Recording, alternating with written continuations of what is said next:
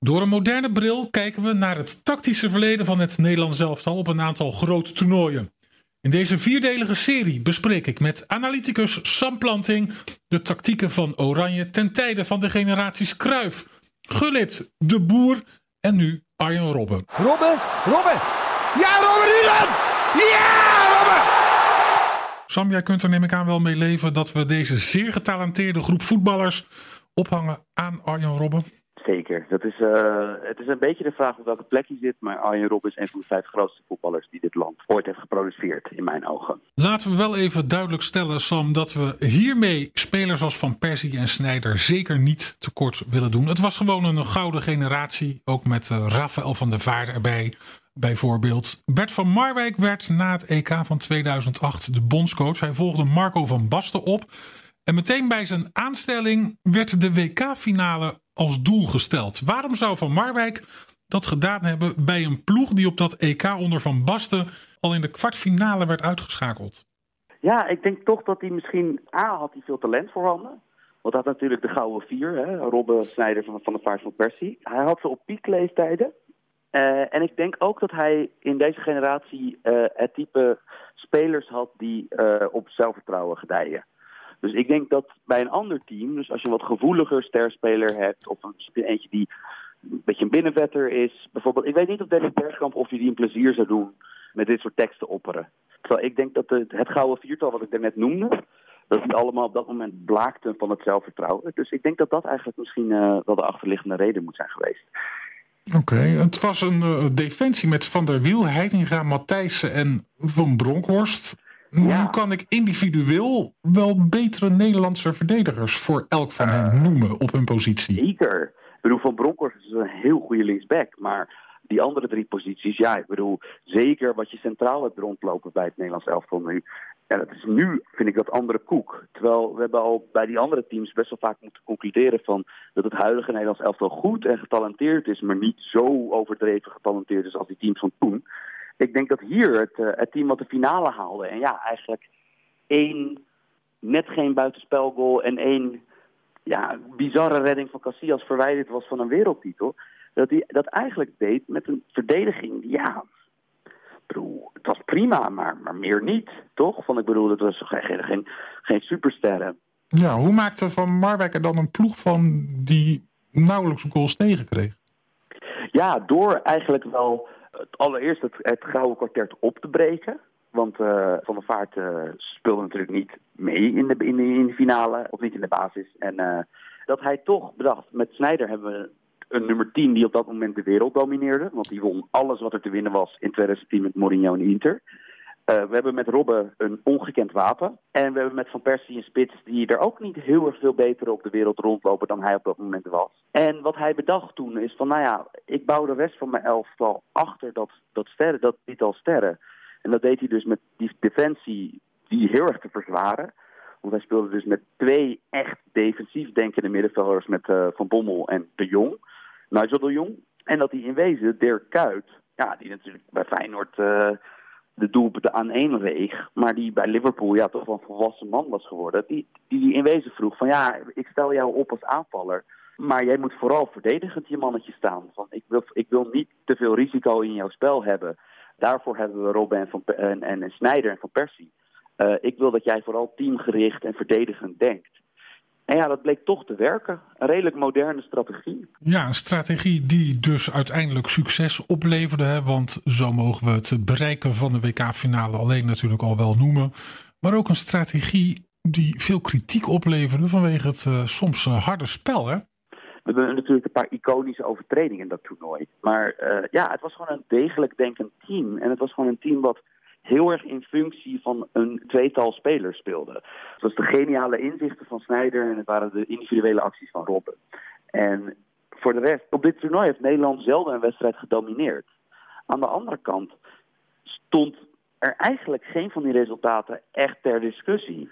Van Nederland heeft nergens echt gezwijnd dat dit toernooi.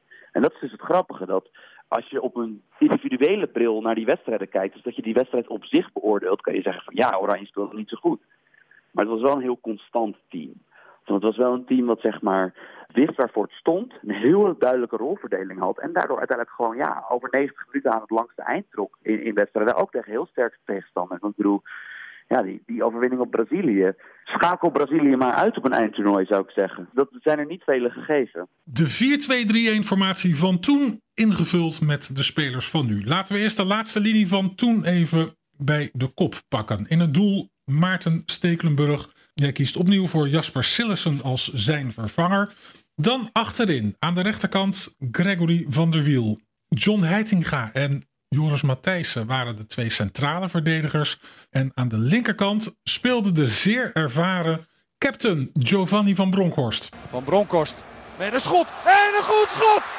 Een schitterend schot! Deli Blind is de Van Bronckhorst anno 2020. Van Dijk en de Licht zijn de centrale verdedigers. Dumfries staat aan de rechterkant. Als we de formatie van 2010 projecteren op de spelers van nu. Je kiest wel weer voor twee echte verdedigers aan de flank, hè? Ja, dat ik denk dat hier dat het redelijk traditioneel was en dat Dumfries in dit geval, als we dit toernooi nadoen, wat verdedigender zou spelen dan hij nu bij Oranje deed. Want deze defensie die we nu opnoemen, is de defensie die Koeman het vaakst heeft gekozen als bondscoach. In de huidige werkelijkheid blijft Blind veel achter als derde centrale verdediger bij het opbouwen en mag Dumfries helemaal naar, voren opschuiven om, om zeg maar wat snelheid en duelkracht aan de voorhoede toe, toe te voegen aan die rechterkant. Hier zou hij conservatiever spelen. Zou hij toch met een beetje de handrem erop uh, spelen in aanvallend opzicht. Oké, destijds twee controleurs voor die verdediging. De Jong en Van Bommel. Jij kiest met de huidige spelersgroep in je gedachten voor Wijnaldum en Martin de Roon. Waarom Wijnaldum daar nu weer terug? Je had hier voor het klassieke duo kunnen kiezen de Roon Frenkie. Maar we hebben zo meteen een aparte rol voor Frenkie bedacht in dit team. Omdat ja, dit team liet zich definiëren door speciale trucs die het uithaalde om het beste uit zijn beste spelers te halen. Dus dan hebben we naast de Roon, zouden we dan alle andere goede behalfbakker moeten gebruiken. En waar we bijvoorbeeld Wijnaldum bij, bij de 88 variant als uh, tweede spits gebruikten, gebruiken we hem hier als tweede echte controleur. Want vergeet niet dat de Nigel de Jong van 2010, want later zou hij een beetje een, uh, een logge uh, spierbundel worden. Maar hij was op dat toernooi was hij, ja, hij was overal. Hij was overal. Hij was zo vinnig en hij was overal snel bij. Hij bluste overal brandjes. En dat is uh, op zich een rol die Klopp bij Liverpool ook vrij vaag van, van Wijnaldum vraagt. Zeker in wedstrijden tegen sterkere tegenstanders. Uh, waar Wijnaldum ook, ook naar voren mag en avontuur mag zoeken bij Liverpool. Heeft hij zeker onder Klopp bewezen dat hij ook verdedigend echt heel goed kan functioneren. Dus dat is eigenlijk uh, waarom we op dit duo kwamen. Voor Van Bommel en De Jong stond het wat aanvallender ingestelde trio Dirk Kuyt, Wesley Snijder en Arjan Robben. En die kunnen we het beste vangen in dit samengevoegde fragment. En nu Elia. Elia. En nog de goal van Kuyt. Ja! Hij is binnen! Met het hoofd Snijder. Played through for Robben. This is the chance. Arjen Robben is in. En Arjen Robben has been denied by Casillas. Steven Bergwijn is de Dirk Kuyt van 2020. Steven Berghuis is de Arjen Robben van 2020. En de man die die briljante paas gaf op Robben tijdens die WK-finale tegen Spanje, Wesley Sneijder, die wordt één op één gekopieerd door Frenkie de Jong. Heel aanvallend, Sam. Frenkie de Jong op een positie waarvan ik zou zeggen, daar is hij bij Barcelona totaal niet gelukkig. Nee, maar het is natuurlijk bij Barcelona is hij niet de zon waar het, waar het sterrenstelsel omheen draait. En dat maakt het dus een beetje ingewikkeld. Dat waar hij bij Barcelona aanvallend speelt, speelt hij eigenlijk altijd in een uh, rol die wij misschien bij Donny van der Beek bij Ajax kennen. Dus dat je speelt op 10, of je speelt in elk geval het meest vooruitgeschoven van de drie middenvelders. Maar het gaat niet om jou. Snap je? Je moet loopacties maken, de 16 vinden. En dat is natuurlijk helemaal niet wat de Jong het beste kan. Je wil natuurlijk dat een speler als de Jong zo vaak mogelijk uh, en zo gunstig mogelijk aan de bal komt. Gewoon je wil dat iemand die zo goed met een bal de voet is aan de bal komt. En in deze formatie, dat hij dus ook eigenlijk zich niet zo super druk hoeft te maken om wat er verdedigend gebeurt. Zouden we hem dus echt als, als pure klassieke nummer 10 gebruiken. Dus echt als uh, Riek Kelme. Een rol die we eigenlijk nooit meer zien. Een team die gewoon zich druk mag maken om creatieve taken. En voor de rest niet al te veel zich hoeft te bekommeren over, over, over hey, uh, staat de balans wel goed, dit en dat. Je gaf eerder al aan het belang van uh, de rol van Dirk Kuyt, hè, met name in defensief opzicht in de ploeg van Van Marwijk. Waarom vind je van de huidige speler Steven Bergwijn het meest geschikt om die rol in te vullen? Promes heeft al een paar keer laten zien dat hij verdediger kan spelen. Maar ik vind uh, het defensief werk wat uh, Bergwijn verricht bij PSV, bij Oranje en ook bij Tottenham Hotspur heel onderschat. Bergwijn is natuurlijk uh, speler, een technische speler met ook een heel goed fysiek gestel. Hij is niet lang, maar hij is wel enorm atletisch gebouwd. En je zag al meteen toen hij bij Mourinho, die paar maanden die wij van hem hebben gehad, voordat de pauzeknop werd ingedrukt bij, bij Spurs, zag je meteen van dat hij serieus goed is in meeverdedigen voor een aanvaller. En dat is waarom ik uh, bij Bergwijn uitkwam. We hebben veel varianten uit het verleden inmiddels besproken. We bespreken dus de VI Pro, waarin Voetbal International door een moderne bril naar klassieke toernooien kijkt in tactisch opzicht. Alleen in deze formatie ruim jij een plekje in voor Steven Berghuis. Ja, Steven Berghuis is dit seizoen heel goed bij Feyenoord. Sinds Advocaat heeft overgenomen en het wat bij Ajax wat minder loopt, is er serieus een argument te maken dat, dat Berghuis misschien wel de, de, beste speler in de Eredivisie dit jaar is. En um, Berghuis is niet een speler die jij als rechtsbuiten kan zeggen van hé, hey, verdedig als tweede rechtsback. Nee, als de tegenstander de bal heeft. hey, je moet behalve dat je, dat je leuke acties moet maken, moet je ook enorm veel meters maken. Dat kan je eigenlijk een Berghuis niet vragen. Dus ja, dit was het eerste toernooiteam waar we zeg maar een, een, een uh, serieus moment kunnen nadenken over het opstellen van, uh, van Berghuis. En op de rechterflank. Oké, okay, en uh, Berghuis is dan de Robben, hè, denk ik? Ja, hij is de Robben. Deze ploeg. Want we hebben natuurlijk, ja, we hebben geen Robben op dit moment. Nee. Dan, dat, ja, die hebben we gewoon niet. Ja, je zou Memphis op de flank kunnen opstellen, maar dan moet je weer een spits die we nog niet eerder als, ja. als de oranje spits hebben gehad uit de hoge hoed to toveren. Dus ja, Berghuis een basisplek. Memphis is ook in deze formatie jouw spits. De generatie Robben speelde vier jaar later natuurlijk nog een WK. Een heel ander WK.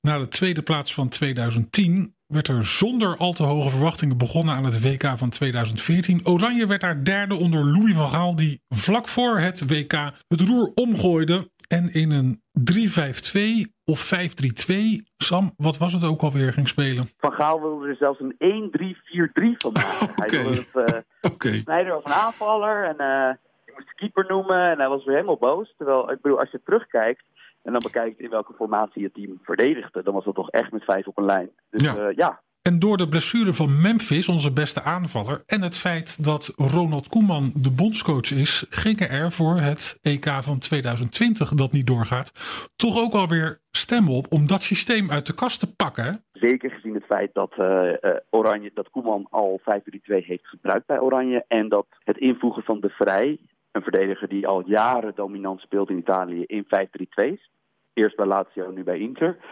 Uh, ja, dat zou dan inderdaad wel een logische formatie zijn. En het is de enige formatie waarin jij een basisplaats inruimt voor Mo Ihataren, hè? Ja, want in dit, uh, ook in dit, net als in de variant met Van Marwijk, kan je hier een 10 gebruiken. Maar deze 10, deze Snijder, de 2014 Snijder, was iets minder mobiel dan die van uh, 2010. En vooral op dit toernooi heel belangrijk met het lanceren van uh, Robin van Persie voorin.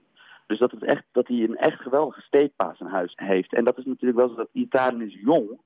Maar dat heeft hij wel laten zien. Hij kan natuurlijk wel echt een bal wegleggen met zijn linkerbeen. Dit is de eerste formatie waar we de nieuwe team van de Oranje uh, Mo Iataren uh, in konden bouwen. Ja, het is ook de eerste formatie waarin je Luc de Jong een basisplaats geeft. Ja, want het is toch zo dat, dat, dat Van Persie had ook al een stapje aan snelheid verloren in dit toernooi. En Nederland volgt vrij direct diepte. Want ze hebben natuurlijk echt tegen goed voetballende tegenstanders op dit toernooi gespeeld. En zeker in die poolfase, dat je tegen, tegen Chili en Spanje... dat waren op dat moment misschien wel de meest verzorgd spelende landenploegen in, ja, in de wereld. Ook Mexico in die, in die eerste knock-outwedstrijd. Het initiatief werd best weggegeven. En Nederland zakte wel in en zocht dan vooral die diepte bij die twee voorin. Robben en Van Persie. En Van Persie was op dat toernooi erg goed in ballen bij zich houden. Dus ook met zijn rug naar het vijandelijk doel spelen. En ik bedoel, je moet nooit zo ver overdrijven als gelijkenissen gaan zien tussen Luc de Jong en Van Persie. Want Luc de Jong is een klassieke targetman. Een verdomd goeie, maar hij is natuurlijk niet zo compleet en, en zo technisch als uh, Van Persie. Maar ja, toch, je zou in deze speelstijl een stuk directer gaan spelen. Iataren die de diepte zoekt met steekpasses. En uh, ja, dus dan moet je ook wel een directer spelende spits voorin hebben. Oké, Sam. Ten slotte gaan wij nog even naar de 2010 variant. De 4-2-3-1 van Bert van Marwijk. Ingevuld met de spelers van nu. Jij komt tot de volgende opstelling. Sillissen in het doel. Achterin vanaf rechts Dumfries, De Licht, Van Dijk en Blind. De twee defensieve middenvelders Wijnaldum en De Roon. Daarvoor Bergwijn, Frenkie de Jong en Berghuis. En Memphis is de spits. Zou Oranje het mogen aandurven om met deze ploeg te gaan beginnen aan een EK of een WK? ik denk niet dat je in deze samenstelling dit team op het volgende eindtoernooi zal zien. Maar wel deze elf namen, dat zou goed kunnen. Alhoewel dan wel Berghuis zich weer een beetje moet opwerken in de hiërarchie. Want hij heeft natuurlijk uh, zijn laatste interland die hij speelde, volgens mij was dat tegen Wit-Rusland, heeft hij niet een al te beste beurt gemaakt. Maar als je nu zo bij Feyenoord spelen, dan denk je van ja, op basis van zijn clubprestaties kan je ook moeilijk Berghuis niet meer selecteren. Ik denk op zich dat dit uh, meer naar Koemans smaak is. Ik denk wel dat de Jong en Wijnaldum uh, van plek zouden wisselen. Dus dat we Wijnaldum uh, de diepte zien zoeken op het middenveld... en dat Frenkie de Jong juist uitzakt om het spel vorm te geven. Oké, nou wij zullen Ronald Koeman aanraden. De VI Pro Special Voetbal International bekijkt klassieke toernooien door een moderne bril te lezen. En naar deze vier bijdragers van onze kant te luisteren. Sam, dankjewel. Graag gedaan, Robert.